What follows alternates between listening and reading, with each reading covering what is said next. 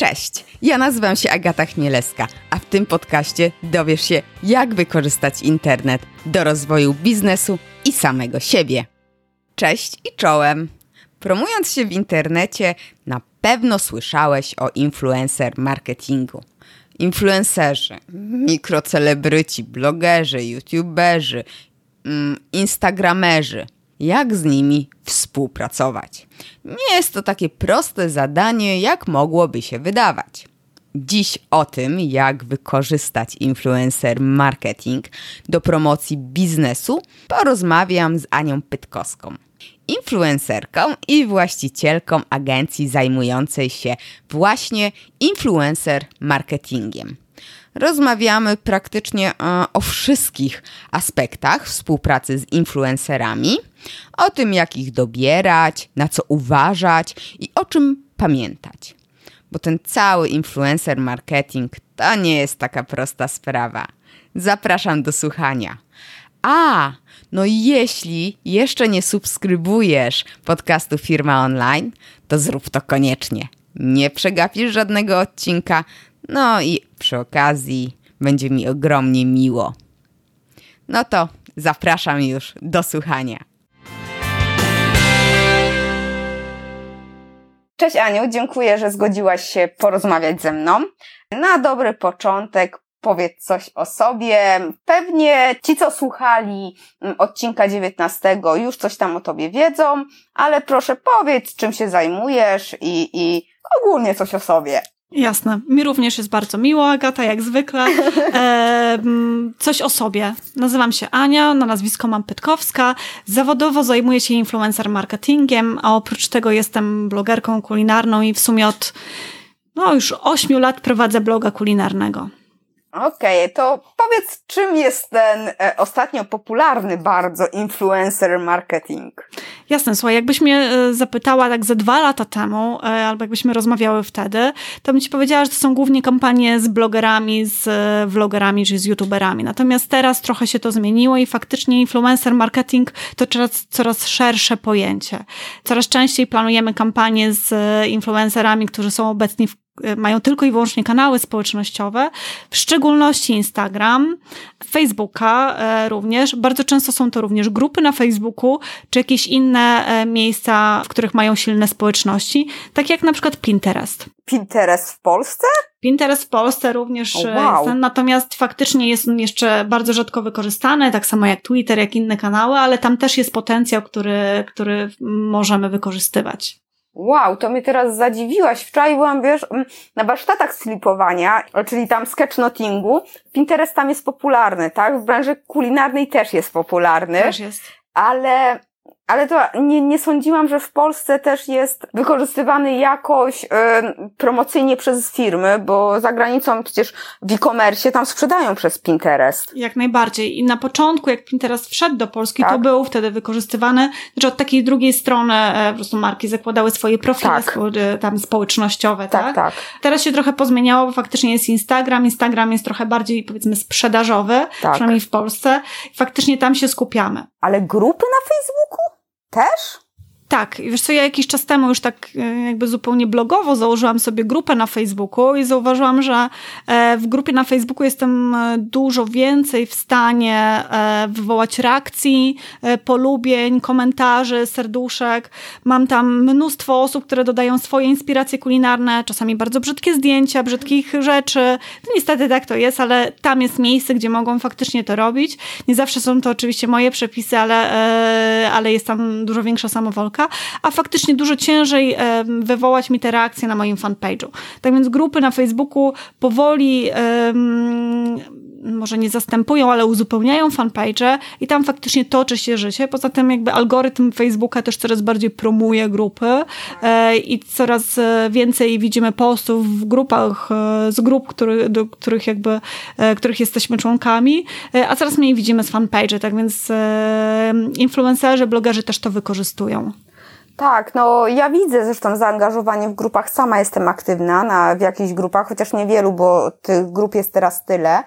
Ale e, jak jeszcze aktywnie prowadziłam bloga kulinarnego, mm, tak ogólnie to może powiem, że my się przez bloga kulinarnego nasze blogi poznałyśmy, E, ale jak prowadziłam, tak się zastanawiałam, ale jest tyle grup, po co ja będę kolejną zakładała? I, i w ogóle tak teraz też myślę o marketingowej, jakiejś z e-commerce związanej, czy po prostu z podcastem, firma online, żeby założyć grupę, ale też mam taki troszeczkę strach, że nikt nie przyjdzie, bo jest tyle grup już, a druga rzecz, no właśnie, czy, czy jest jeszcze miejsce na, na, na nowe grupy? Co myślę, że jest. E, jakby posłużę się własnym tak. przykładem i własnym podwórkiem, bo na tym najlepiej mówić. Też mi się wydawało, że jakby grup kulinarnych jest naprawdę całe mnóstwo, bo jest ich mnóstwo. Jest. I tak z pół roku temu stwierdziłam, okej, okay, dobra, przyszedł czas na grupę, mam fanpage'a, ten fanpage niestety trochę umiera. E, ciężko mi tam wywołać jakiekolwiek reakcje, jeżeli wrzucam tylko i wyłącznie, a prawie tyle tylko wrzucam linki do i zdjęcia e, nowych przepisów, które pojawiają się na blogu. Natomiast e, od tamtej pory w mojej grupie jest już kilkanaście tysięcy osób, tak więc i są bardzo aktywni. Mam tam liderów konwersacji, którzy potrafią codziennie albo dwa razy zdjęcie wrzucić zdjęcie swojego jedzenia.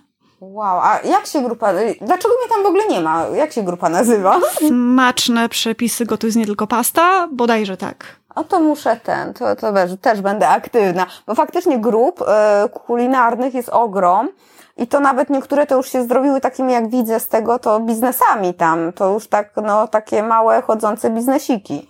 Uh, dokładnie tak. Ja widziałam też e, case dziewczyny, która zaczęła od grupy, zaczęła od motywacji, od tego, jak e, po ciąży e, zmotywować się do tego, żeby uprawiać sport aktywnie, żeby zadbać o siebie, a w tym momencie ma bardzo dobrze prosperującą firmę z bodajże ubraniami, z koszulkami, z jakimiś innymi rzeczami, które jakby są dodatkiem do tego, ale stworzyła własną markę właśnie przez grupę na Facebooku, tak? Więc to są naprawdę bardzo fajne case. To jest akurat case nie z Polski, tylko z rynku zagranicznego, bodajże Anglia, ale, ale tak, to się dzieje i grupy są jeszcze niedoceniane, ale faktycznie e, coraz więcej można na nich robić również związanego z influencer marketingiem. Fajnie. To no, muszę ruszyć z tą grupą, kurczę, tak mnie to jakoś, wiesz, innym oczywiście radzę, ale to będzie coś innego, w ogóle coś, ale to może lenistwo, nie wiem. Ale już wracając do tego całego influence marketingu, prowadząc blog kulinarny też miałam współpracę z markami. Powiedz mi, jak to wygląda od twojej strony osoby, no bo ty fajnie masz spojrzenie y, od strony blogera i od strony osoby, która nawiązuje tę współpracę, więc to jest super. Tak samo ja zawsze mówię, że z e-commerce'u mam jako e, sprzedawca i marketer i jako e, kupujący. Jak to w ogóle wygląda? Marki chcą e, prowadzić takie kampanie, czy trzeba jeszcze je nadal edukować? Wiesz co, coraz bardziej chcą. Znaczy już mała jest grupa tych firm, które jeszcze nigdy nie próbowały. Niestety coraz większa jest grupa też takich firm, które już próbowały, ale już nie chcą. Ostatnio się z takim, e, z takim podejściem też niestety spotkałam. Natomiast e, większość firm i osób, z którymi rozmawiam, one wiedzą, że jest to jakby obowiązkowy już w tym momencie element mediaplanu, e, czyli no, pewnej strategii obecności w internecie. No tak naprawdę blogi, mm, YouTube, Instagram, Facebook, no to jest doskonałe medium reklamowe. Nie tylko, no, to już nie jest gazeta, to już nie jest e, outdoorowa e, kampania, która jest tylko ładnym obrazkiem, ale za tym stoją ludzie, tak? I dlatego tak bardzo chętnie marki decydują się na współpracę z influencerami, dlatego że to nie jest tylko obrazek, to nie jest tylko e, wideo, ale za tym jest człowiek, który faktycznie powie, ok, słuchajcie, ten tusz do rzęs jest naprawdę zaje fajny. E, używam go pół roku, e, spróbujcie, e, bo warto. No i to też działa sprzedażowo. Oczywiście no musimy pamiętać o tym, że nie każdy nam tą sprzedaż wygeneruje, tak, e, w tej kampanii. Tak, tak. E, aż dwa pytania mi się e, nasunęły i nie wiem, które ważniejsze, o którym mogę zapomnieć. Ale pierwsza rzecz to jest taka, że ja sama zauważyłam też, że marki, które kulinarne, duże marki, nie będę nazwami jechała, które faktycznie z nami, blogerami kulinarnymi się o każde 50 zł targowały, teraz zaczynają działać, nie chcę powiedzieć, że rozważniej, ale czy tak jakoś... Yy, bardziej biznesowo, że więcej wydam, y, to faktycznie mogę więcej zarobić, ale wychodzą do współpracy z naprawdę dużymi influencerami, którzy mają zasięgi, y, ale którzy naprawdę też dużo kosztują. Załóżmy suchar codzienny, tak? Czy ty zauważyłaś coś takiego, że to ma i większe przełożenie później na efekty niż załóżmy współpraca z przykład 100 y, średnich blogerów kulinarnych, tak? I załóżmy jeden duży taki influencer faktycznie, y, który dociera do tysięcy, setek tysięcy E, czy milionów osób. Mhm. Co, to też zależy, jak, jaki mamy cel kampanii, tak? No bo od tego wychodzimy, bo dostając nowy brief, jakby pierwsze pytanie, które zadaję, to jest, jaki mamy cel kampanii? Czy zależy nam na budowaniu wizerunku? Bo tak naprawdę kampanie z influencerami to jest głównie budowa wizerunku, ale jakby nie, nie, nie zapominamy też o sprzedaży. Jeżeli mówimy o sprzedaży, to też e, dobieramy zupełnie inne osoby, które faktycznie mają realny wpływ na tą sprzedaż. Nie jest to proste dobieranie tych osób, e, natomiast da się. To i czy 100 czy 1, e, no, w kulinariach to mimo wszystko, no nawet tych 100 średnich wypracuje większy zasięg niż ten jeden, podejrzewam. E, chociaż faktycznie blogi kulinarne to największe blogi w Polsce, jeżeli chodzi o zasięgi takie miesięczne. Natomiast musimy pamiętać o tym, że biorąc pod uwagę blogera i jego miesięczny zasięg, też nie do końca wiemy, jaki nam efekt przyniesie w postaci, nie wiem, ilości użytkowników, do których dotrzemy, nie wiem, ilości przejść na stronę, ilości reakcji, tak? Tak więc oprócz tego, takich podstawowych danych, które, nie wiem, mamy w mediaplanie, typu e, unikalni użytkownicy czy odsłony e, miesięczne bloga, też zawsze powinniśmy prosić o e, i robić tak zwane estymacje, czyli estymacje już dla konkretnego wpisu, estymacje odsłon pojedynczego postu na Instagramie, estymacje odsłon pojedynczego postu na Facebooku, no bo zwykle te działania z influencerami to jest jakiś taki pakiet działań, nie tylko jakby jeden pojedynczy post. Tak, tak ale mm, tutaj ja sama też zauważyłam, że marki, firm, agencje, no bo zwykle przez agencje, proszą o statystyki, ale postów sponsorowanych, dlatego po, mniej więcej podobnych, tak, z marką w tle, bo ja też sama zauważyłam, że ilość lajków na Instagramie i odsłon, wejść, załóżmy na bloga, jest dużo mniejsza, jeżeli faktycznie na zdjęciu jest jakiś y, product placement. Zgadza się, chociaż wiesz co, ja sobie zawsze staram się dla marki zrobić taki post, który wygeneruje równie dużo odsłon, które mm, e, wpisu w porównaniu z tymi, które mam na co dzień. Natomiast ja wiem, że ja mam trochę inną świadomość e, tego, jak to wszystko się odbywa i mam takie posty sponsorowane, które mi miesiąc w miesiąc naprawdę generują całkiem fajny ruch. Kiedyś robiłam kampanię dla jednej z marek patelni i zrobiłam przepis, właściwie to nie przepis, taki poradnikowy wpis, jak usmażyć kurczaka. Czyli patelnia, pierś kurczaka, jak to zrobić, ile czasu smażyć, jak e, doprawić tego kurczaka. Uwierz mi, że jak usmażyć kurczaka, wpiszesz e, top 10 e, Google SERP, tak, to jest tam powinien być cały czas mój przepis i to jest przepis, który w dalszym ciągu generuje ten ekwiwalent reklamowy, tak, dla tak. klienta. Tak. I tak się powinno tworzyć też e, wpisy sponsorowane. Aczkolwiek ja się z Tobą zupełnie zgadzam, że jak jest marka obok i ta marka jest widoczna, no bo oczywiście klient chce, żeby ta marka była widoczna wszędzie, tak? tak? Na Facebooku, na Instagramie, oznaczenia, specjalne hasztagi.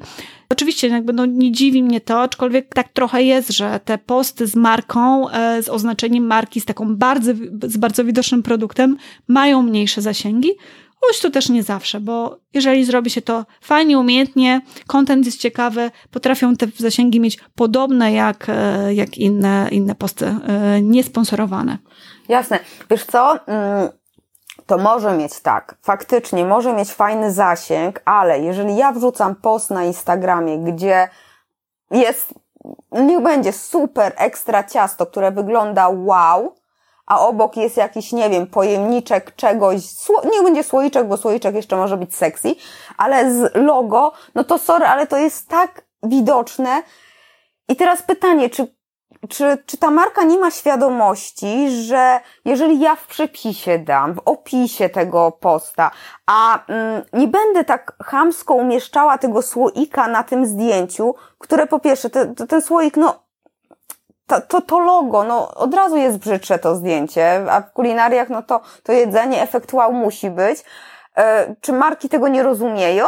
Bo, bo ja próbowałam czasem mówić, ej, no słuchajcie, tutaj dajemy, tu piszemy, tu wasze logo, na, na blogu mnóstwo zdjęć z waszym logo, ale zróbmy na Instagramie bez tego. Znaczy, pamiętaj o tym, że jak realizujesz kampanię z klientem, to jakby umawiasz się na post sponsorowany, powiedzmy, na blogu, e, na, nie wiem, e, post na Facebooku, który kieruje do przepisu, e, post na Instagramie, który też generalnie ma zachęcić ludzi do tego, żeby weszli na bloga i zobaczyli. Natomiast nie wszyscy ludzie klikną i nie wszyscy ludzie przejdą, tak? tak? W szczególności no. na Instagramie. Dlatego klientom tak bardzo zależy i trochę mnie to nie dziwi, żeby tam marka pojawiała się wszędzie. Oczywiście, no, wielką sztuką jest zrobić takie zdjęcie, które będzie z lokowaniem, a oprócz tego będzie miało fajne zasięgi, ale można to zrobić. Można ten postawić troszeczkę dalej. Nie wiem, troszeczkę zamazać, tak? Czyli zrobić większą głębię mhm. ostrości. Kiedyś mi się udała taka sztuka, mm, pamiętam z jedną z marek makaronowych, gdzie na pierwszym planie postawiłam słoik, w którym zrobiłam sałatkę, która była kolorowa, była tęczowa, ale tak zwracała uwagę, że ten makaron, który stał obok, naprawdę nie odwracał e, jakby uwagi od tego słoika i faktycznie to zdjęcie miało nawet lepsze zasięgi niż, e, niż niektóre moje zdjęcia, takie bez lokowania marki. Ale jest to trudna sztuka, którą no niestety influencerzy muszą opanować, żeby e, te zasięgi wypracowywać. To jest mega trudna sztuka i, i to też zależy od mm, Twojej społeczności, tak? Bo Ty jesteś przykładem, mm, tak jak ja Ciebie obserwuję, tak z boku, więc tutaj proszę nie, nie, nie, nie ujmować sobie, ale faktycznie, że masz fajną społeczność, to było widać przy sprzedaży książki, którą tam wspólnie, wspólnie zorganizowałeś, wspólne jakieś tam wydawanie. I, yy, i widzę po prostu po komentarzach, po Twojej aktywności, na przykład na Instagramie, gdzie Cię obserwuję, ale w kulinariach to jest bardziej zwykle jest ruch z SEO, z Google'a, tak, że i po hashtagach i ta, zbudowanie w, mm, w blogosferze kulinarnej takiej aktywnej społeczności to jest cholernie trudne i tam faktycznie jak ktoś sobie po hashtagu przegląda zdjęcia i widzi tą markę, no to już to nie jest osoba, która nam kibicuje, żebyśmy dalej robiły, działały, fajnie, że mamy współpracę, nie? E, zdecydowanie. Znaczy, no, w kulinariach jest to wyjątkowo trudno, na pewno jest, e, na pewno jest dużo łatwiej, nie wiem, w innych kategoriach blogowych czy instagramowych, tak, nie w parentingu jest to, e, powiedziałabym, chyba najłatwiejsze. Ludzie się potrafią identyfikować z tą osobą, też mają pewnie dzieci w podobnym wieku, tak więc tak. E, tak. E, w kulinariach bardzo trudno jest zbudować e, społeczność, bardzo trudno jest zbudować zaangażowanie mm, takie jakby poza wejściami na blog. Tak jak mówię, na Facebooku mam wrażenie, że jest to coraz trudniejsze, zresztą ostatnio nie wiem, w grupie chyba jesteś, e, tak, co mają blogerzy kulinarni, nawet Olga Smile, jedna z największych w sumie blogerek tak. w Polsce, bardzo mocno zastanawiała się nad tym, czy nie e, zrezygnować w ogóle z Facebooka, e, no bo Facebook faktycznie pomimo jakby teoretycznie dużej ilości fanów e, nie generuje e, tych reakcji, jakby tyle reakcji, ile byśmy, e, ile byśmy chciały. Tak więc jest to, jest to trudne. Instagram jest jeszcze stosunkowo prostszy w tym. Mi ten Instagram wyjątkowo leży. Ja przyznam się, że jestem wielką fanką Instagrama. Nie mam trochę czasu na to, żeby robić stories. Bardzo nad tym bolewam, ale staram się raz na jakiś czas przynajmniej coś wrzucić, może głównie w weekendy.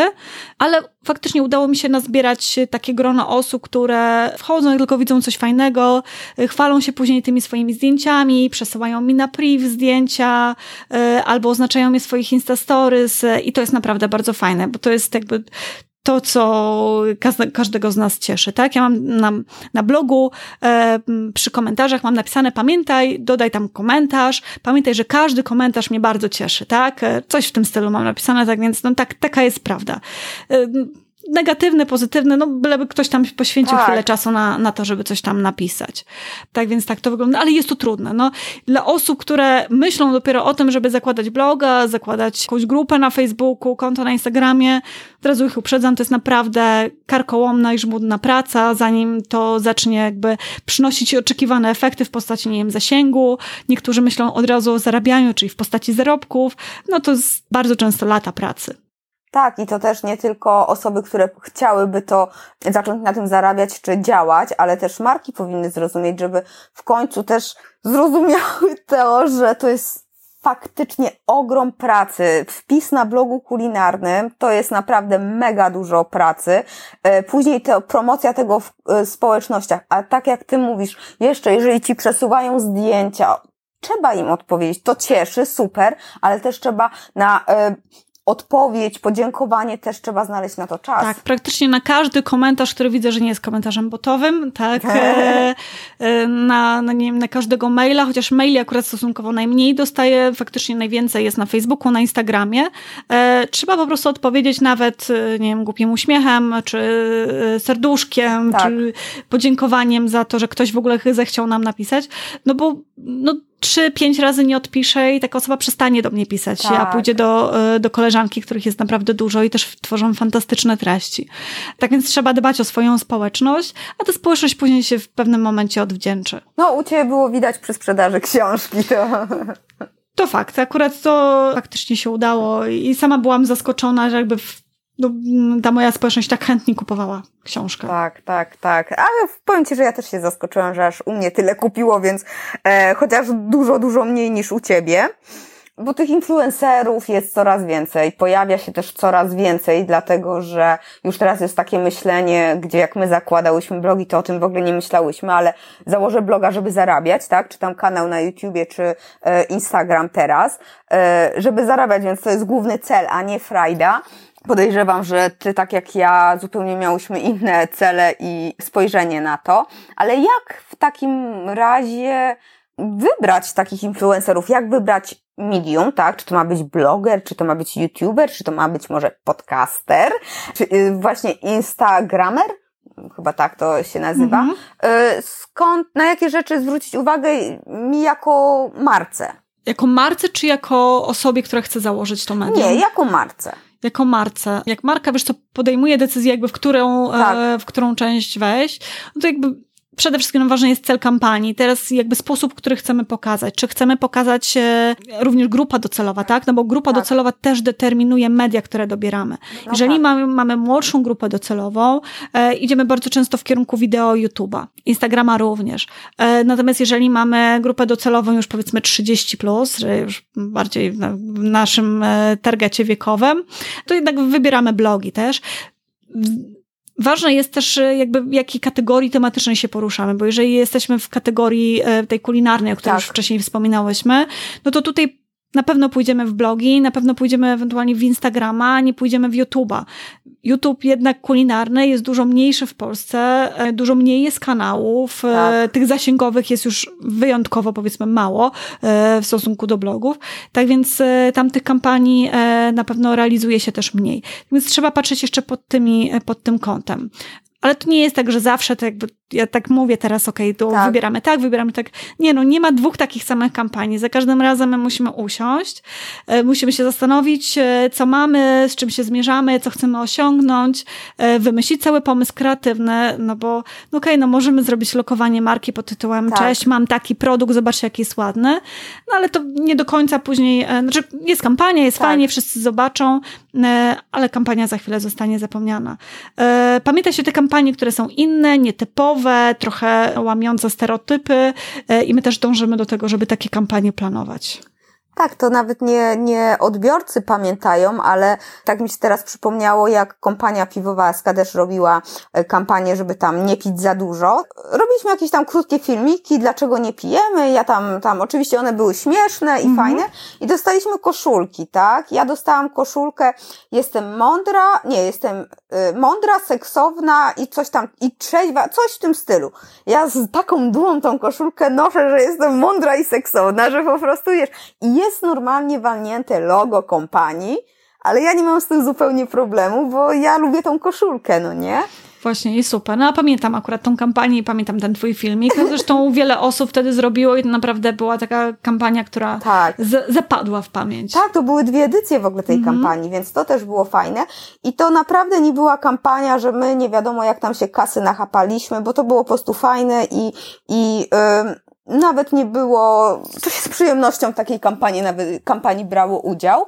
Czyli tak, trzeba po prostu sobie określić, jaki mamy cel, to też y, jaki jest pomysł, tak? Bo jeżeli mamy dużo zdjęć, to faktycznie lepiej wyjść sobie na Instagram z tym. Y, jaka grupa docelowa i gdzie ta grupa docelowa jest? No to jest logiczne, to jest zupełnie tak samo jak, jak w każdej kampanii, dokładnie. Tak, tak, tak. No bo no, trzeba myśleć o, jakby o blogosferze, czy o nie wiem, influencosferze, Tak. chyba nie ma takiego słowa, ale o influencerach jako jakby kolejnym medium reklamowym, takim jak jest prasa, takim jak jest telewizja, takim jak jest, e, nie wiem, e, powiedzmy całościowo zwany marketing internetowy, to jest po prostu, to jest medium reklamowe i zamiast okładki w gazecie, czy nie wiem, jednej strony w gazecie, my wybieramy po prostu pons- posponsorowany u blogera.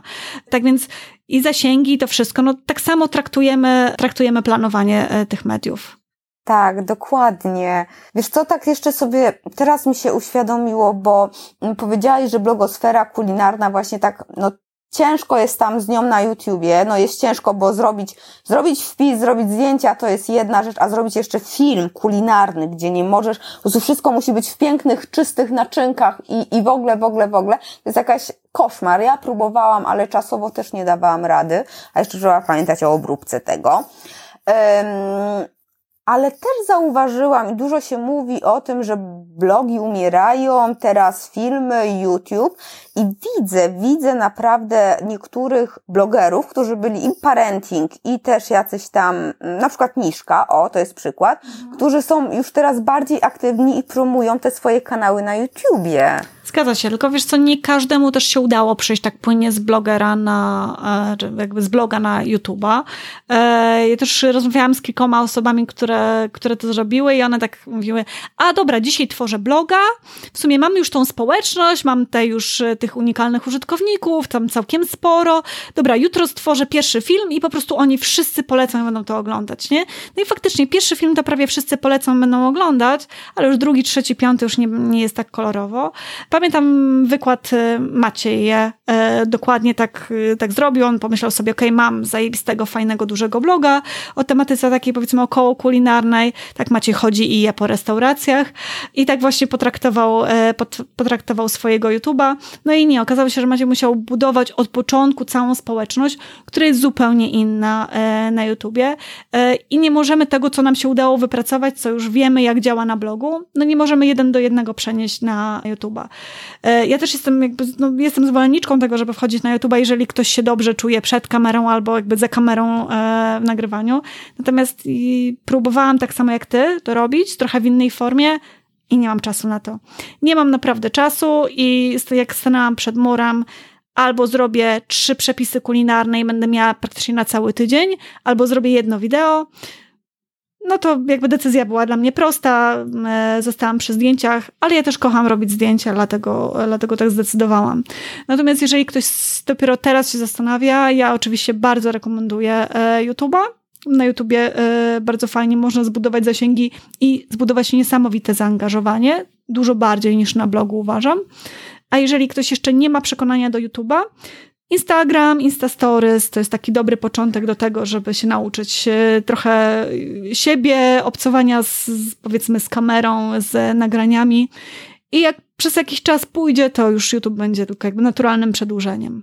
Tak, e, dokładnie. Zresztą to o tym przed chwilą mówiłaś. Każde medium ma swoją grupę docelową, każdy lubi co innego i ja załóżmy wiem, że z podcastem nie dotrę do takiej e, liczby osób, jakbym chciała, a ja akurat nie myślę o zarobku na podcaście, a raczej robię to dla frajdy, nawet statystyk nie sprawdzam. E, ale właśnie teraz planuję wyjść e, na YouTube z, z treściami podobnymi do podcastu. Mimo, że to są te same treści, ja wiem, że to będzie zupełnie inna grupa docelowa i zupełnie inne osoby to będą oglądały. Dokładnie tak. To jest no, to. Fajnie, możesz w sumie robić tak jednocześnie, nie? I e, nagrywać podcast i robić wideo. Pomyśl o tym. Wiesz co, tak, tak, ale to też trzeba by było wtedy tak zorganizować to wszystko. Na razie jest troszeczkę za dużo z tym za, zabawy, więc tak po kroczku, po kroczku. Jasne. Osobny pokój na studio w domu. Tak, tak, tak. Dokładnie. Albo po prostu wy, wynajmować jakieś biuro coworkingowe. Ale wiesz co? To jest też tak, ja o tym myślę, że nie wiem, czy użytkownicy YouTube'a by oglądali jednogodzinny, jedną godzinną rozmowę osób, które sobie siedzą i gadają. No, godzina to długo, tak. to fakt. Michał Szafrański to robi, mówi, że ma super y, wyniki, więc teoretycznie jest tak, ale ja jednak chcę zrobić to krótsze, tak? W tą, tą stronę pójść, y, jest to dla mnie bardziej dostępne w tym momencie. Na pewno. No, tak, żeby się dało, powiedzmy, w, tam w 10 minut maksymalnie to tak, obejrzeć tak. i coś z tego wynieść. Tak, tak. Albo po prostu dzielić na odcinki. Mhm. Tak, tak, tak, dokładnie. No, to też jest bardzo fajny sposób. Powiedz mi, bo sklepy internetowe, wiesz, że to jest takie coś, co kocham. Czy sklepy internetowe mają jakieś możliwości promocji, właśnie wykorzystania influence marketingu z założeniem, że nie mają tylko w głowie kasy, konwersji i, i w ogóle, wiesz... Sprzedaży, tak. tak, tak. Przede wszystkim rozliczenia CPS, tak, tak wiem tak, doskonale. Tak. Czy y, nawet jeżeli mówimy o tym, nie wiem, o takim rozliczeniu ty, y, tylko i wyłącznie za sprzedaż, to też są takie możliwości, bo jest mnóstwo agencji afiliacyjnych, czy firm afiliacyjnych, tak. które jakby w swoim portfolio mają również blogi. Ja sama jakby korzystam z kilku programów afiliacyjnych i czasem mi się zdarza wpinać kody afiliacyjne do siebie na blog, bo tak, no, tam to jest tylko link, tak? Ja tak. nie, jakby nie, nie bazuję na kreacjach, czyli na afiliacji, na, na, na kreacjach takich wizualnych, tylko e, na linkach afiliacyjnych. I to czasem faktycznie, no ktoś kliknie, przejdzie, a ja świadomie piszę, słuchaj, tutaj jest link.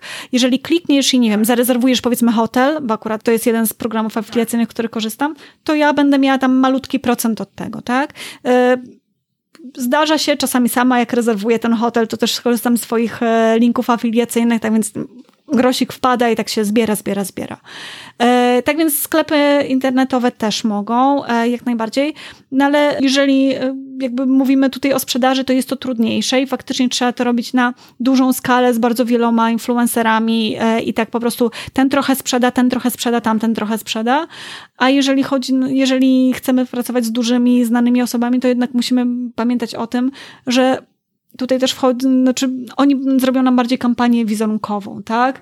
No, sklep internetowy raczej mało dba o wizerunek, raczej rzadko robi kampanię stricte wizerunkową, tak? To jest jeden z kilku sklepów, zwykle sprzedaje podobnie to, to co konkurencja, tak więc ciężko się wizerunkowo jakby w, e, pokazać, tak żeby się odróżnić od konkurencji. Stąd chyba sklepy bardzo rzadko w, w tym kierunku kampanii idą. Ja pamiętam kampanię Frisco z Asią, z wyrwane z kontekstu. To jest też taki lifestyle'owy, ona ma, ma świetne pióro i ma ogromne społeczności. I ona zrobiła kampanię, gdzie pokazywała, jak robić zakupy internetowe przez Frisco. Myślisz, że na tym dało się wygenerować sprzedaż, czy to była bardziej taka kampania wizerunkowa? Edukacyjna, o właśnie, pokazująca, mhm. że można zamawiać żywność przez internet. E, myślę, że to była bardziej kampania e, wizerunkowa. Jeżeli klient przywiązuje wagę do tego, żeby mierzyć sobie te wszystkie rzeczy, no to oczywiście zostały wpięte kody sprzedażowe, czy jakby zostało to wszystko jakby przygotowane tak, żeby to finalnie zmierzyć efekt. Natomiast bez doświadczenia z kampanii wiem, że to nie zawsze się przekłada, tak? E, mhm. Ostatnio robiliśmy kampanię dla jednej z portalu, taki, który jest pośrednikiem i sprzedaje oferty turystyczne. Tak. Fantastyczną kampanię z kilkoma dość dużymi influencerami e, i prowadzący, nie, chyba wszyscy prowadzili blogi, ale niektóre kampanie skupiały się też na Instagramie. Było kilka wyjazdów zagranicznych, e, piękne zdjęcia, tak więc naprawdę fajnie to wszystko wyszło, ale z tego co wiem, e, tych jakby zamówień, rezerwacji z tej kampanii jeszcze nie ma aż tyle. Oczywiście one mogą nastąpić za jakiś czas, bo te wpisy zostają na blogach, to są fantastyczne wpisy z podsumowaniem, co zobaczyć w Hiszpanii, co się działo, tak, co, co ciekawego można, e, nie wiem, zwiedzić, jaki hotel wybrać na Sardynii, tak więc to jest, e, to jest materiał, który będzie pracował jeszcze tak, to jest na ten efekt. Super. Tym bardziej, że na blogach, które mają naprawdę niesamowitą siłę SEO i o tym też należy pamiętać, że ten, po pierwsze, linki SEO się liczą, tak, tak do pozycjonowania już strony y, klienta. Jest też ta y, olbrzymia możliwość, że, y, że ten wpis faktycznie wpadnie w, tą, w ten top 10 tak. na, na jakąś bardzo fajną frazę, na którą jakby strona klienta no nie ma szansy się przebić, bo no, często nie ma po prostu. Tak, to, to są treści też, tak? Dokładnie tak. Tak więc no, jakby tych elementów współpracy z influencerami jest tyle, o których jakby nikt nie pamięta, ale to też są takie rzeczy, które są, no, e, których nie, nie liczy się bezpośrednio w kampanii. A jeżeli ja chcę sobie, jestem brandem, marką, nie wiem, dobra, nie idźmy w skrajności, jestem średnim brandem, nie jestem Biedronką, nie jestem, nie wiem, Adidasem, tak? Jestem po prostu sobie jakimś tam średniej wielkości brandem i chcę jakoś się wypromować za pośrednictwem influence marketingu. Chcę go wykorzystać w swoich działaniach marketingowych. No sam nie, nie potrafię, chcę sobie współpracować z Blockmedia. Mhm. I teraz tak, o, przychodzę do Was z czym ja muszę się liczyć, jak to wygląda ta współpraca i też jeżeli możesz tak, pewnie nie da się tak łatwo, ale jakieś koszty, jak to wygląda, czy to są mm, ja, pewnie będzie trudno z budżetami, bo to zawsze zależy, mhm. ale chociaż powiedzieć, na co muszę się przygotować. Jasne. Jak zwykle, jakby jedno z pierwszych pytań, które zadaję, to jest jakim klient ma budżet. Bo to y, ja wolę wiedzieć, jakim, z jakim budżetem ja mam się zmierzyć. Y, czasami robimy ten, y, ten budżet na przykład w kilku wariantach, czyli na przykład, nie mamy 15 tysięcy, 30 tysięcy i w tym wariancie jest zupełnie inna oferta. Dlatego, dlaczego ja potrzebuję tego budżetu? Dlatego, że wtedy wiem, jak muszę w tym budżecie najbardziej efektywnie rozplanować działania, jakie media dobrać, żeby no maksymalnie wyciągnąć ten efekt, który, e, który chcemy osiągnąć. Tak więc to jest jedno z pierwszych pytań, które ja zawsze zadaję, ale no oczywiście no takie wszystkie podstawowe rzeczy e, z briefu. Muszę też poznać trochę produkt, tak? Jak wygląda produkt, w jakim kontekście chce go klient pokazywać, bo są naprawdę bardzo, mm, bardzo różne potrzeby czy, e, czy wymagania. Niektórzy, niektórym zależy bardzo na e, bardzo pięknych zdjęciach, innym zależy no może mniej trochę na pięknych zdjęciach, ale na jakby takim jakościowym dotarciu do, do użytkownika. Tak więc no, to wszystko ma e, później wpływ na to, jak, e, jak finalnie ten, fajnie jest, żebym też wiedziała, jak, czy klient jest taki e, no, bardziej otwarty na nowości, na jakieś takie niestandardowe działania. Bo jeżeli klient jest otwarty, no to tak jak teraz, za chwilę, pod koniec, e, nie wiem, września, będziemy realizowali kampanię dla klienta z kategorii kosmetycznego, ale będziemy ją realizowali z, z blogerami kulinarnymi trochę nietypowa kampania, ale akurat produkt jest dodatkiem herbaty i wyciągów z herbaty, tak więc to fajnie e, wszystko można ograć. A powiedz mi, widziałaś, no chyba tam jedną kampanię na pewno będziesz pamiętała, ale raczej na blogach kulinarnych nie ma kampanii klientów właśnie z kategorii uroda, tak? Czy kosmetyki. Tak, tak. tak więc no, to jest takie trochę łamanie stereotypów, które ja też bardzo lubię, bo uważam, że tego typu łamanie stereotypów, czyli właśnie nie, nie ta kategoria tematyczna na, na, na kategorii tematycznej blogowej, e, jest dużo bardziej zapamiętywalna. A o to nam też chodzi, tak? Żeby nie tylko wypracować ten efekt w postaci liczb, ale też zapamiętywalność na trochę e, dłużej. Tak więc najpierw sobie gadamy, najpierw, najpierw zdobywamy te wszystkie informacje. E, ja jestem zawsze zwolennikiem w, tej pierwszym, w tym pierwszym momencie spotkania, tak żeby się poznać trochę. E, no i dopiero później my siadamy, pracujemy nad ofertą. Często nie jest ona tylko w jednej, e, w jednym zamkniętym budżecie, ale właśnie nie wiem, w dwóch, trzech wariantach nawet. I później jest czas na przegadanie sobie tej oferty i zdecydowanie jakby, który wariant robimy, czy w którym kierunku idziemy.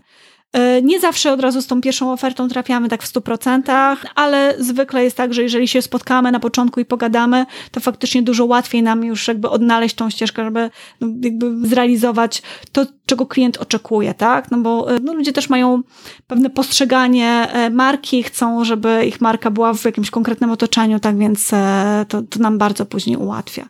Tak więc tak to wygląda od strony tego rozpoczęcia współpracy. Okej, okay, a mm, czy to jest tak, bo załóżmy, jeżeli przychodzi do mnie klient i mówi, żeby chciał AdWordsy, tak? No to ja mu mówię, okej, okay, ale wiesz, jak nie masz budżetu, tak minimum 2000, samego budżetu na reklamę, no to no możemy, ale to nie ma sensu, tak? E, czy też jest jakiś taki próg, no trzeba się liczyć. Ja już nawet nie mówię prowizja dla Was, ale też dla blogerów i w ogóle tak no. Znaczy wiesz co, my w ogóle nie wchodzimy w e, kampanię poniżej 5 tysięcy złotych, ale to też nie wynika z tego, że to jest takie minimum, które trzeba mieć. No pewnie trochę to koresponduje tak. z tym, ale też e, mm, jest to związane z, jakby z ilością pracy, którą my poświęcamy. Bo my nie tylko jakby no, mm, kontaktujemy się z blogerami, nie wiem, robimy wysyłki, pilnujemy kampanii, ale też y, nadzorujemy to. Y, robimy bardzo pracochłonny raport, y, który czasami wymaga nawet od nas dwóch, trzech dni pracy. Tak więc no, to są, zwykle nad jedną kampanią nie pracuje tylko jedna osoba, tylko przynajmniej dwie. W związku z tym no, wszystkie jakby mniej budżetowe kampanie no po prostu nam się nie opłacają w takim Aha. bezpośrednio. Tak, jasne. tak więc no, ja też jakby jako współwłaściciel agencji muszę podchodzić do tego trochę biznesowo. Tak więc klientom, którzy mówią mi, słuchaj, ale mam tylko 2000 złotych, no to ja mówię przepraszam, ale no niestety nie realizuję tego typu kampanii. E, nie, nie mam e, na to fizycznie po prostu czasu. Aczkolwiek, no to 5 tysięcy złotych to jest takie minimum, e, już przy takim budżecie, nie wiem, przy, jeżeli mówimy o, nie wiem, klientach z branży kosmetycznej, możemy zrobić naprawdę bardzo fajne wysyłki, zresztą my od jakiegoś czasu robimy takie cykliczne wysyłki do blogerek, do influencerek, takich średnio zasięgowych, które dostają od nas, e, nie wiem, tak co trzy miesiące paczkę, gdzie jest e, pięć różnych marek kosmetycznych i one sobie później przez te dwa, trzy miesiące testują te marki kosmetyczne i to naprawdę bardzo fajnie wypada i jesteśmy w stanie firmie, która z nami realizuje kampanię właśnie za 5000 zł, dać gwarancję minimum 70% realizacji wpisów e, później na blogach, na Instagramie. Tak więc no, mały budżet, bardzo duże realizacje, no bo powiedzmy przy 100 wysyłkach na minimum 70% to jest minimum 70 publikacji. Naprawdę bardzo, bardzo fajne efekty daje. Ja wiem, że to trzeba edukować, tak jak u mnie i też jak ja współpracowałam z sklepami i próbowałam jakoś ten influence marketing tam wdrożyć, no to jest ogrom po prostu innych też y, możliwości, no nie, niż, niż tylko sama sprzedaż. Mm, no ale też wiem, że e-commerce po prostu ma tą konwersję, to słowo konwersja w e-commerce to jest po prostu jak e, jedz śniadanie, tak? E, bo to jest zdrowe. A czy nie łatwiej by było, jakbym ja jako marka, sklep internetowy, marka ogólnie sama sobie to zrobiła, a nie przychodziła do agencji, czyli pośrednika, który, który jeszcze za to mnie skasuje? Mm, jak ma jedną osobę, która nic nie robi, tylko może się tym zająć, to tak. E, I to minimum jedną osobę. No tak to niestety trochę brutalnie wygląda. Znaczy, marki napotykają na bardzo różne problemy. Po pierwsze, jest to niesamowicie czasochłonne zajęcie. Tego tak może bezpośrednio nie widać, ale faktycznie uzgodnienie wszystkich warunków, ilość telefonów, maili, później sprawdzania, ponaglania, y, to jest ogrom pracy, którą trzeba, masakra, trzeba włożyć. I nie wszyscy influencerzy są tacy bardzo fajni do współpracy. Tak niestety to też wygląda. Po drugie, umowy o dzieło, na których, czy umowy zlecenie, na których e, pracujemy, e, niestety w dużej części, to też jest bardzo duża przeszkoda, szczególnie dla dużych marek, kiedy no, ten obieg taki, powiedzmy, dokumentów jest bardzo wydłużony. E, tą umowę o dzieło, czy umowę zlecenie musi jednak podpisać ktoś, kto reprezentuje firmę, tak więc no, do prezesa z każdą malutką umową na, nie wiem, 500 złotych biegać, no nie, nie zawsze się to jakby opłaca, czy jest to możliwe wręcz. Tak więc my to bierzemy, e, bierzemy na siebie, te wszystkie rozliczenia. No jest takich mnóstwo takich małych rzeczy, których właśnie nie widać, które my robimy i za to właśnie pobieramy tą, powiedzmy, prowizję e, za realizację kampanii. Tak, a to ja potwierdzam. Miałam raz jedyny y, możliwość współpracowania z influencerami właśnie od strony y, osoby, która chce wypromować jakiś produkt, usługę i nigdy więcej.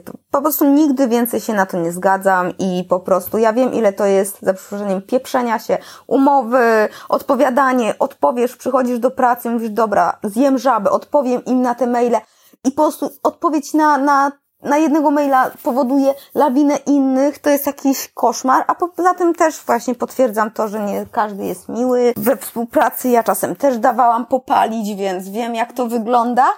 E, za co się wstydziłam później i dalej się wstydzę.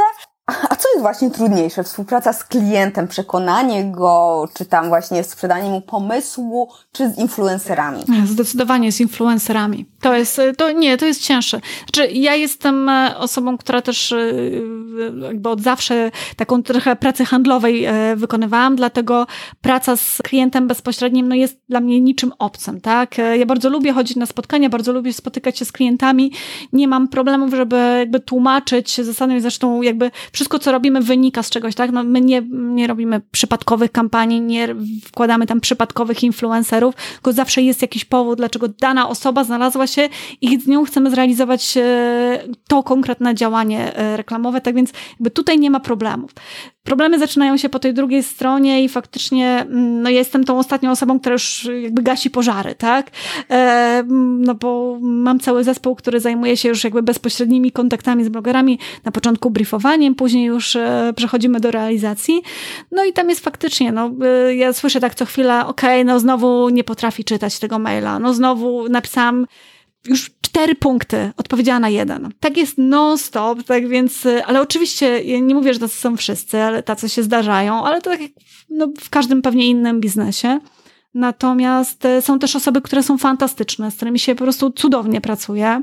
Mówię od tej strony jakby influencerów i jakby praca z taką osobą naprawdę jakby wynagradza to wszystkie, te wszystkie problemy, które miewamy. Co czasami robimy, my zdarza nam się też podmieniać e, blogerów, influencerów w trakcie kampanii. Jeżeli faktycznie są te problemy już takie nie do przeskoczenia, zawsze wtedy znajdujemy inną osobę, potwierdzamy, czy klient nam ją akceptuje i po prostu realizujemy. Zdarzało nam się kilka już być w taki, kilka razy być w takiej sytuacji podbramkowej, że po prostu mówimy nie, rezygnujemy, lepiej zrobimy to z kimś innym, będzie lepiej, fajniej, ciekawiej. Jakby jeżeli słuchają tego influencerzy, no to niech sobie zdają z tego sprawę, że jakby no na, nawet na etapie realizacji kampanii jest to możliwe do zrobienia, żeby po prostu podmienić na kogoś innego. Tak, to gwiazdorzenie jest przerażające i dlatego ja też się troszeczkę wycofałam z blogosfery. Tak już też to miało wpływ, dlaczego przestałam tak blogować aktywnie kulinarnie. Też brałam udział kiedyś w kampanii, której po prostu na szczęście na początku, nim jeszcze w ogóle ta kampania ruszyła, była jedna gwiazda, która no została no po prostu podziękowano jej, bo, bo, bo wiedziano już, widziano, że, że to nie pójdzie w dobrym kierunku, więc to jest faktycznie smutne z jednej strony, a z drugiej strony, no, no celebryci, tak? To troszeczkę jest w tym faktu, więc y, też robią dużo dobrej roboty, tak? Dużo, dużo mm, blogerów, youtuberów y, faktycznie działa na zasadzie dawaj bierz, nie? Czyli najpierw daje, a później ewentualnie bierze. Czy wiesz, ja mam taką jedną zasadę u siebie na blogu, tak? Ja zawsze jak umawiam się z klientem, że, z klientem, że zrobię, nie wiem, post na blogu, e, post na Instagramie, post na Facebooku, to zawsze w każdej kampanii staramy się dać z siebie coś odrobinę więcej niż się umówiłam, tak? I to jest naprawdę rewelacyjna zasada, dlatego że ja zawsze zostawiam po sobie dobre wrażenie, zawsze zrobię coś więcej niż się z klientem umawiałam, tak więc ja wiem, że ten klient za chwilę do mnie wróci. Oczywiście, no to jest tak, że on pewnie będzie wymagał trochę więcej, ale z drugiej strony ja sobie buduję niesamowite relacje i polecam takie podejście jakby każdemu, żeby dawać zawsze troszeczkę więcej niż się od niego oczekuje, a ja mam wrażenie, że niektórzy wręcz nie dają tego, na co się umówiliśmy. Albo mają problemy, żeby, żeby dostarczyć tą ilość, nie wiem, treści, e, na którą się umówiliśmy. A jak te treści są no, zupełnie nietrafione, bo też zdarza się, wiesz, yy, umawiamy się na jakiś konkretny wpis, najpierw sobie wszystko omawiamy, cały jakby charakter, yy, dajemy wszystkie wskazówki, no tak, żeby bloger otrzymał jakby maksymalnie dużą ilość informacji, zanim w ogóle zacznie cokolwiek tworzyć. No wiesz, wtedy się mm, jakby chcemy wyzbyć się tych jakichś takich negatywnych później rzeczy, które będą. No ale nie zawsze tak dostajemy, tak? I okazuje się, że później jakby ten projekt wpisu, który dostajemy, no zupełnie mija się z naszymi oczekiwaniami, czy oczekiwaniami klienta, no bo nasze są tutaj najmniej tak. istotne, ale z oczekiwaniami klienta. Post jest zupełnie czymś innym. Na dodatek marka jest pokazana nie w takim kontekście, jakim miała być pokazana. No i wtedy zawsze są te zgrzyty, tak? E, nie zawsze, czy no, ja chciałabym, żeby zawsze się udało przekonać e, influencera do tego, żeby zmienił to, tak. no ale nie zawsze e, tak jest. No, ale siła kompromisu, siłą kompromisu tak. staramy się jakby to wszystko dopracować. No, to jest właśnie jakby, tak wygląda nasza praca na co dzień. Nie jest to łatwa praca. Dużo łatwiej jest ustawić sobie kampanię banerową, bach, wrzucamy w system, ustawiamy, nie wiem, 300 tysięcy odsłon, klikamy start, y, kampania leci, wszyscy są zadowoleni. No tutaj jest trochę trudniej. Tak, dokładnie. Znaczy to z dwóch stron i zarówno ze strony właśnie marki, a pośrednika agencji i też blogera. Ja pamiętam, że miałam sytuację, że po prostu jeszcze raz gotowałam, bo coś poszło nie tak. Raz pamiętam, ja zawiniłam, bo faktycznie było umówione, że ma być zdjęcie produktu, koniec, kropka. A mi gdzieś to ten, znaczy produkt na zdjęciu, tak? A mi gdzieś ten produkt tam po obok, on był przygotowany, żeby pokazać opakowanie, no ale no gdzieś zapomniałam.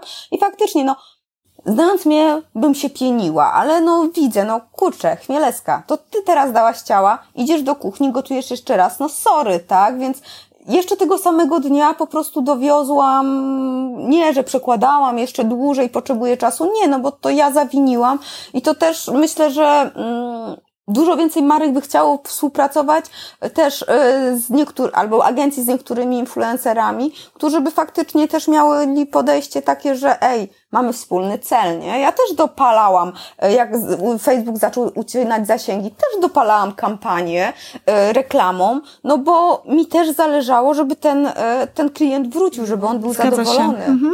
Też mi się zdarza dopalać kampanią, jeżeli widzę, że nie, tydzień po publikacji wpisu no statystyki są nie aż takie fajne, jak, jakbym tego oczekiwała, tak więc wtedy po prostu kampania na Facebooku, czy kampania e, gdzie indziej, no tak, żeby wypracować ten, ten wynik, tak żeby klient powiedział, ok, fajnie, całkiem fajnie wypadło. Aczkolwiek muszę Ci powiedzieć, że większość agencji, z którymi współpracuję jako blogerka, jakby pewnie nie ma świadomości, że ja też prowadzę własny biznes w tym. Ja zresztą nie, na blogu się tym nie chwalę, tak? Chcę troszeczkę oddzielić mojego bloga od, od tego, czym się za, zajmuję zawodowo. Bardzo często nie jestem proszona e, w pierwszym mailu też o statystyki, bardzo często nie jestem e, proszona po realizacji o e, raport i o statystyki.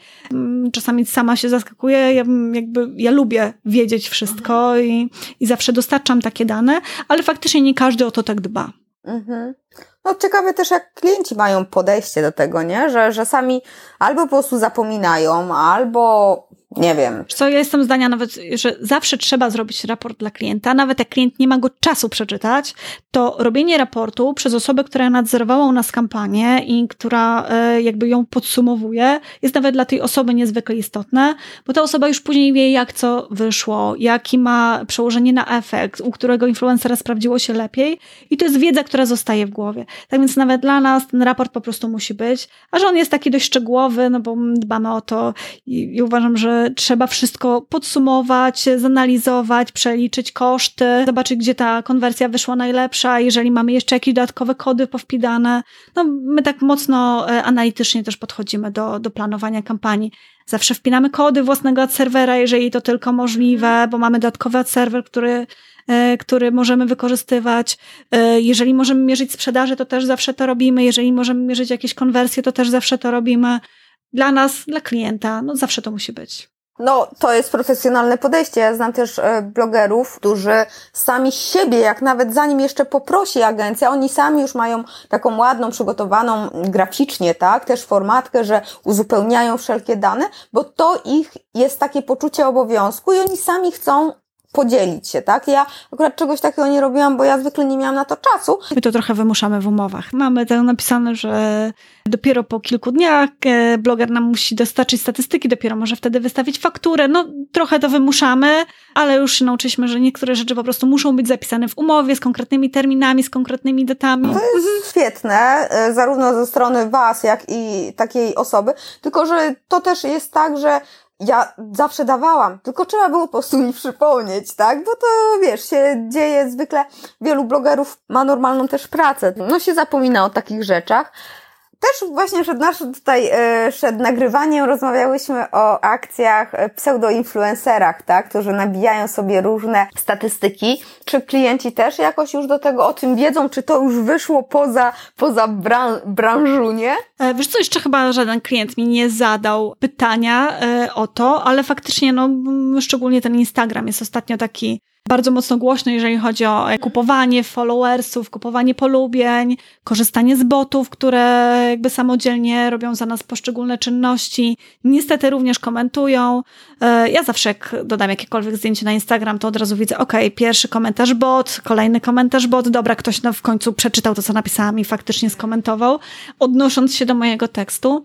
E, jest to nagminne i faktycznie coraz więcej osób z tego e, korzysta, jakby podwyższając sobie te zasięgi, ale też e, jakby dlatego, że no, klienci wybierając influencerów do współpracy chcą, żeby te zasięgi były jak największe, żeby te liczby jak najwięcej, tylko teraz wchodzimy sobie w takiego influencera, ok, 20 tysięcy fanów, no całkiem fajne konto, nie?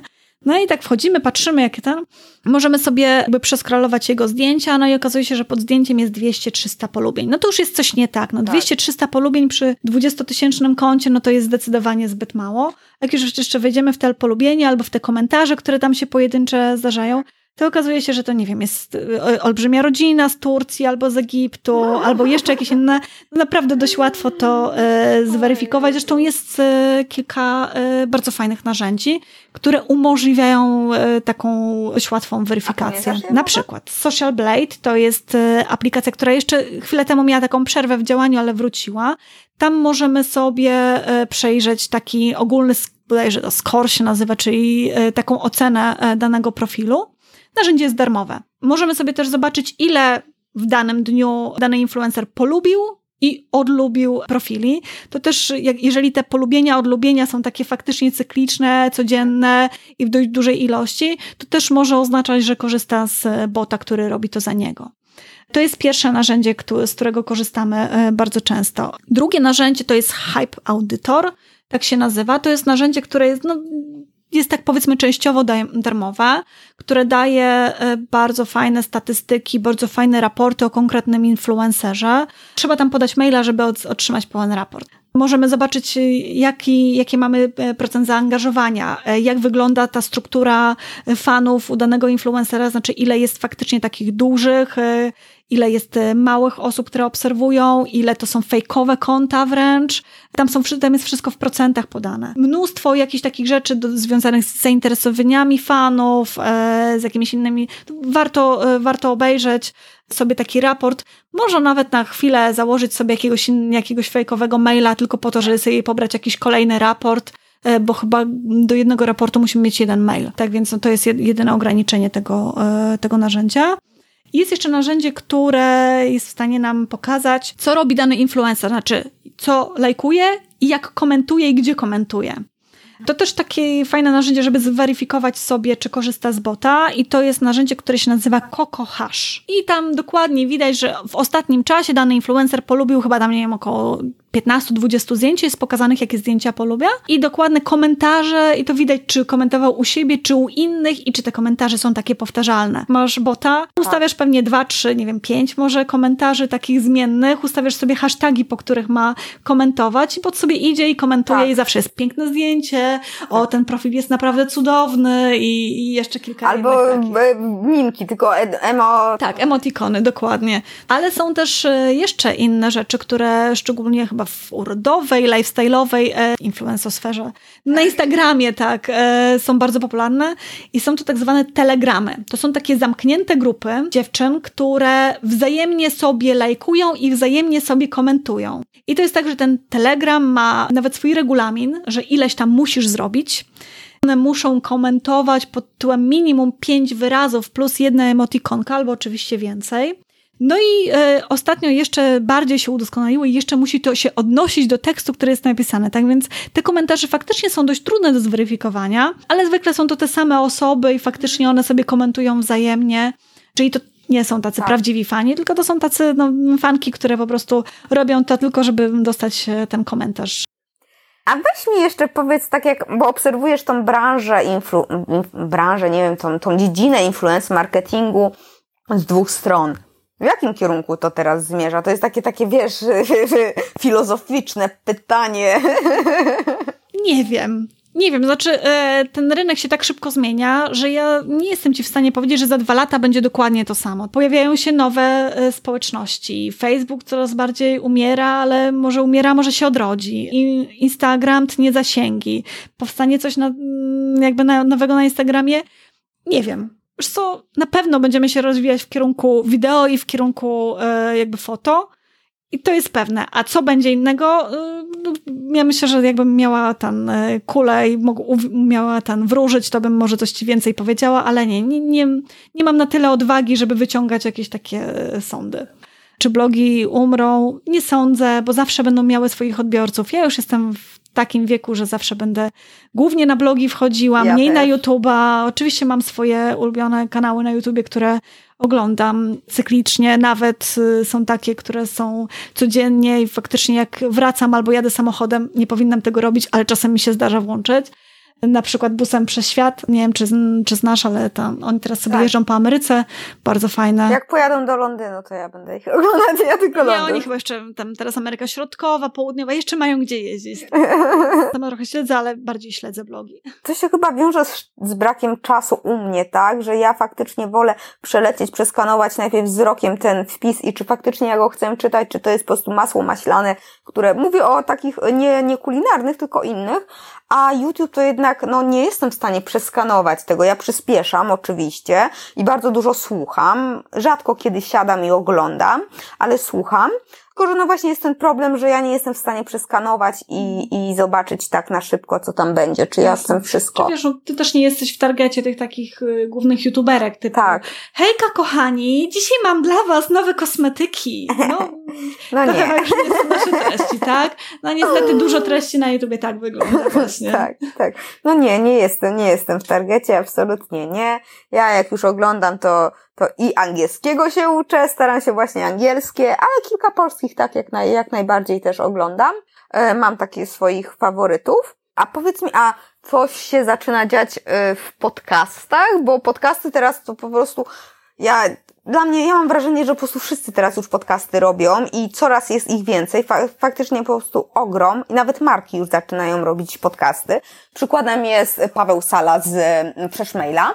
Też jest kilka już innych, też za, zaczęłam zauważać i dużo się zaczyna mówić w Polsce, bo za granicą to już jest od lat, ale właśnie mm, wykorzystanie podcastingu w marketingu B2B. Czy coś już się z tym natknęłaś? Bo ja, jako y, osoba, która jestem po tej drugiej stronie, czyli podcasterów, już zauważam y, Mhm. współpracę. Ja myślę, że pierwsze. Agata, ty jakby więcej będziesz wiedziała o tym, bo e, ja się skupiam głównie jednak chyba w 99% na kampaniach B2C, tak? E, I do mnie tacy klienci przychodzą. Bardzo rzadko mamy zapytania o ten segment B2B i on jest faktycznie dużo trudniejszy, jeżeli chodzi o YouTube'a, jeżeli chodzi o Instagrama, Tak. o blogi. Natomiast jakby ja tu widzę tą niszę właśnie dla podcastów. Jak wygląda rynek? Ja myślę, że ty wiesz doskonale. E, I dużo lepiej niż ja, bo ja e, no, jednak rzadziej, rzadziej słucham czegoś.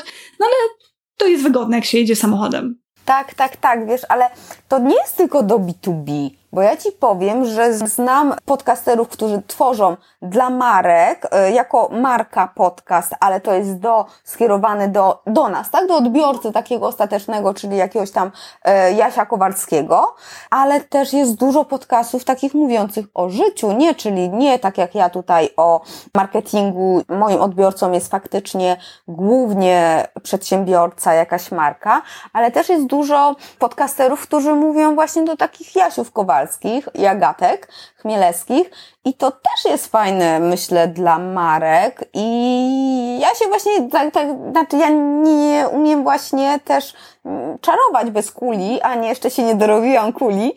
E, i jestem właśnie ciekawa, czy, czy kiedy to zacznie, kiedy to ruszy, bo na pewno jakiś boom będzie, krótszy, dłuższy, ale może nie na pewno, no to jest takie słowo, którego nie powinniśmy używać, ale tak na, mi się wydaje, że na 90% będzie jakiś taki większy boom. Mhm. Wiesz, no, niektóre produkty ciężko pokazać jest przez, tylko i wyłącznie przez Tak. głos. No, kosmetyku nie za bardzo pokażesz. Produktu kulinarnego A, to ci przerwę, przepraszam. No. Są, jest taka youtuberka, ona ruszyła z podcastem z koleżanką. Rozmawiają o czymś tam, różne tematy, kontrowersyjne, mniej kontrowersyjne. I one mówią, że no teraz ten e, jemy sobie, że sponsorem jakiegoś tam tego odcinka podcastu jest firma XYZ, producent przekąsek na, na imprezę i tak przed TV i to są takie i takie, ciekawe jak smakują, no spróbuj.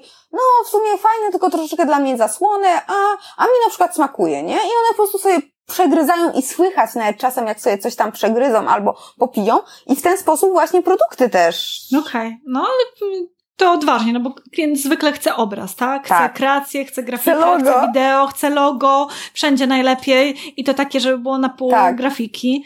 E, ciężko będzie przekonać go do tego, żeby mm, e, tylko głosem Tak, tylko że pamiętaj, że podcast sam z siebie jeszcze jest, przynajmniej w Polsce, za, za słabym takim medium, Tak. żeby nie wspierać go blogiem, YouTube'em i innymi rzeczami, Zgadza więc się. tam marka się pojawia, tak? Mhm. A tutaj faktycznie, tylko no, okej, podcasty za granicą to jest naprawdę moc, Mhm. tak? Jest moc i tam praktycznie każdy robi podcasty z takich, no, z influencerów, nie? I nawet ma po kilka kanałów.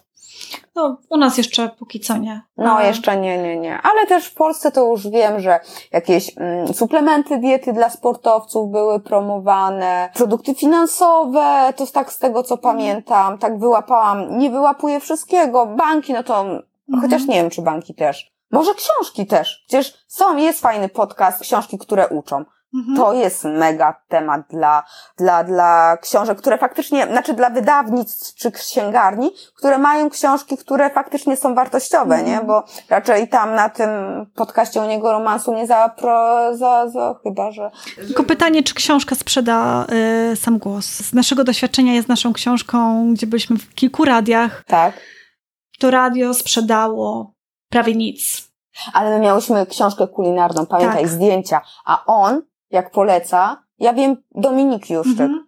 Jak on omawia jakąś książkę, to przynajmniej dla mnie, jak on ją opowiada i co z niej wyciągnął dla siebie, mhm. to ja ją kupuję od razu, nie? Albo właśnie Kamil z książki, które uczą, tak samo, więc to też zależy, jak się przedstawi. Jasne. Jasne, to, to, to też jest zależy. Wiesz, ale no, nie ukrywajmy, obraz zawsze, znaczy, dla mnie obraz jest, no, taki mocniejszy, nie? W no, jest zapamiętywalny przede tak, wszystkim. Tak, tak, tak, tak ale z kolei obrazem nie jesteś w stanie tyle powiedzieć, co głosem. Co głosem.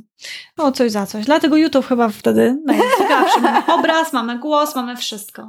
tak, no ale niestety więcej pracy. Niestety. Zmierzamy już ku końcowi. Mm, chyba już Cię przepytałam z wszystkiego, co, co mnie tak najbardziej interesowało i myślę, że może dla, mm, zarówno dla influencerów, jak i dla marek może być przydatne. A gdybyś miała tak powiedzieć, o czym najlepiej, takie, naj, takie najważniejsze po trzy punkty dla, e, zarówno dla marek we współpracy i dla influencerów, o czym pamiętać albo czego nie robić, czego nie oczekiwać, nie wiem. Oj, trzy najważniejsze punkty to ciężko wybrać. Eee, dobra, dla marek. Może zacznijmy od tego, jakby jak marka.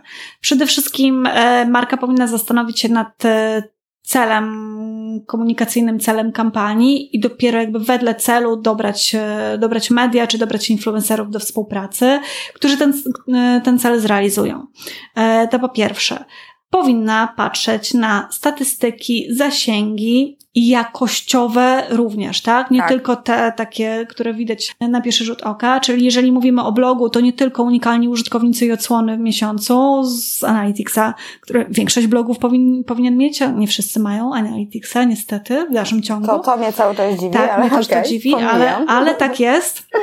Ostatnio nawet w sumie dość duży vloger parentingowy stwierdził, że Jemu to nie jest do niczego potrzebne. Prośmy jeszcze o, o zasięgi pojedynczych wpisów, po to, żeby zrobić tą estymację, tak? Jak robimy z blogerem jeszcze na Facebooku, na Instagramie, prośmy o zasięgi e, konkretnych zdjęć, też po to, żeby sobie zrobić tą, e, tą estymację. To są takie najważniejsze rzeczy jakby dla marki. No i oczywiście jakby dbaj, jakby ustalajmy wszystkie szczegóły wcześniej. Czy jak my podpisujemy już umowę, czy nie wiem, dogadujemy się z blogerem, influencerem, ustalajmy wszystko wcześniej, wszystkie terminy, mm, wszystkie konkrety, jakby w jaki sposób będzie pokazana marka, tak żeby później jakby wyeliminować te, te wszystkie niedociągnięcia, które mogą się zdarzyć w trakcie kampanii. A dla blogera mm, przede wszystkim... Influencera. Tak, influencera. Bądźmy mili w kontakcie. To jest takie y, może bardzo ogólne, ale tak, bądźmy mili, nawet jeżeli marka czy, y, nie wiem, agencja przesie nam brief totalnie z czapę, e, który do nas nie pasuje, albo da nam propozycję barterową, mamy już przecież takie zasięgi, że za barter nie będziemy pracować. To mimo wszystko odpiszmy grzecznie, bo tam marka czy agencja może wrócić do nas z innym fajnym projektem, mhm. tak? Po drugie, zróbcie sobie, szczególnie jeżeli macie więcej kanałów, e, zróbcie sobie takie swoją, taką swoją prezentację, takie portfolio tego, co możecie zrobić, tak? Napiszcie tam trochę o sobie, napiszcie o tym, co możecie zrobić i napiszcie wszystkie swoje zasięgi, które macie. Właśnie bardzo dokładnie, tak? Czyli na blogu mam tyle, średnie zasięgi wpisów tyle, na Instagramie mam tyle, średnie zasięgi wpisów tyle, oprócz tego mam, nie wiem, grupę na Facebooku, coś tam, coś tam, coś tam. I wrzućcie do tej prezentacji może jeszcze jedną, dwie, trzy przykładowe wyceny. To naprawdę pomaga, tak? Jeżeli przychodzi marka i ona jeszcze nie wie, czego chce, Zawsze taka prezentacja to jest pewne takie otwarcie. Pokażcie marki, z którymi współpracowaliście, jakieś przykładowe realizacje, czyli tak naprawdę zróbcie taką swoją ofertę. No i to są takie główne jakby te mhm. podpowiedzi dla, dla blogerów, influencerów, które pierwsze przychodzą do głowy. Super. A, no i miejcie Analyticsa. Tak, tak, tak. To, nie, to naprawdę nie jest trudne, a nie, fajne nie. dane daje. Trzy minuty wpięcia Analyticsa, założenie konta naprawdę banalny, prosty. Tak, to ja, mnie to cały czas dziwi, no ale, ale też rozumiem, że no, jak ktoś zakłada bloga, to, to niekoniecznie musi być... Yy, musi wiedzieć, co to jest Analytics. Tak, no. tak, tak. Mm. Dużo osób no, nie potrzebuje tej wiedzy. My tak tylko w tej naszej bańce się tak mm. tarzamy i myślimy, że wszyscy to wiedzą. Dobrze, Aniu, ja Ci bardzo, bardzo dziękuję. Powiedz mi, gdzie Cię można znaleźć, e, jakby byśmy chcieli i wejść na Twojego bloga i też odezwać się w sprawie współpracy, mm, a jako marka czy influencer. Okej. Okay. Gdzie mnie można znaleźć? Właściwie wszędzie. Czasami jako Anna Pytkowska, czasami jako po prostu Blog Media, czyli moja agencja, czasami jako nie tylko pasta. Na Instagramie y, zarówno nie tylko pasta, jak i Blog Media, y, ale również nasz serwis zblogowani.pl, czy konferencje dla influencerów urodowych, Meet Beauty. Tak więc jakby trochę tych profili mamy. Na Facebooku oczywiście też y, odpowiedniki tych wszystkich profili, plus mój prywatny Anna Pytkowska. Na LinkedInie Anna Pytkowska ale przede wszystkim na stronę blogmyślnikmedia.pl e, zapraszam. Tam są wszelkie kontakty. Większość tych maili takich ogólnych i tak dotrze do mnie, tak więc ja zawsze odpowiadam albo przekazuję to odpowiedniej osobie. Oczywiście serdecznie zapraszam. Ja oczywiście podlinkuję, wszystko wymienię w notatkach. Dobrze, to już jeszcze raz ostatni już dziękuję i do usłyszenia następnym razem. Dzięki. Hej. Jak usłyszałeś, trochę zabawy przy współpracy z influencerami jest. Influencerzy też nie mają łatwo e, z markami. Dlatego warto ustalać wszystko na początku, aby współpraca przebiegała pomyślnie i aby obie strony były zadowolone. Jestem ciekawa, czy współpracowałeś już z influencerami, a jeśli tak, to jakie masz doświadczenia? Naprawdę chętnie usłyszę. Dziękuję Ci za wysłuchanie tego odcinka podcastu. Miło mi będzie, jeśli zostawisz opinię na iTunes, nawet jeśli nie jesteś użytkownikiem Apple'a. Pozwoli mi to dotrzeć do większej ilości osób i będzie mi przeogromnie miło. To nic Cię nie kosztuje, no jedynie kilka minut pisania, a zrobisz dobry uczynek. Do usłyszenia za tydzień. Niech konwersja i moc będą z Tobą.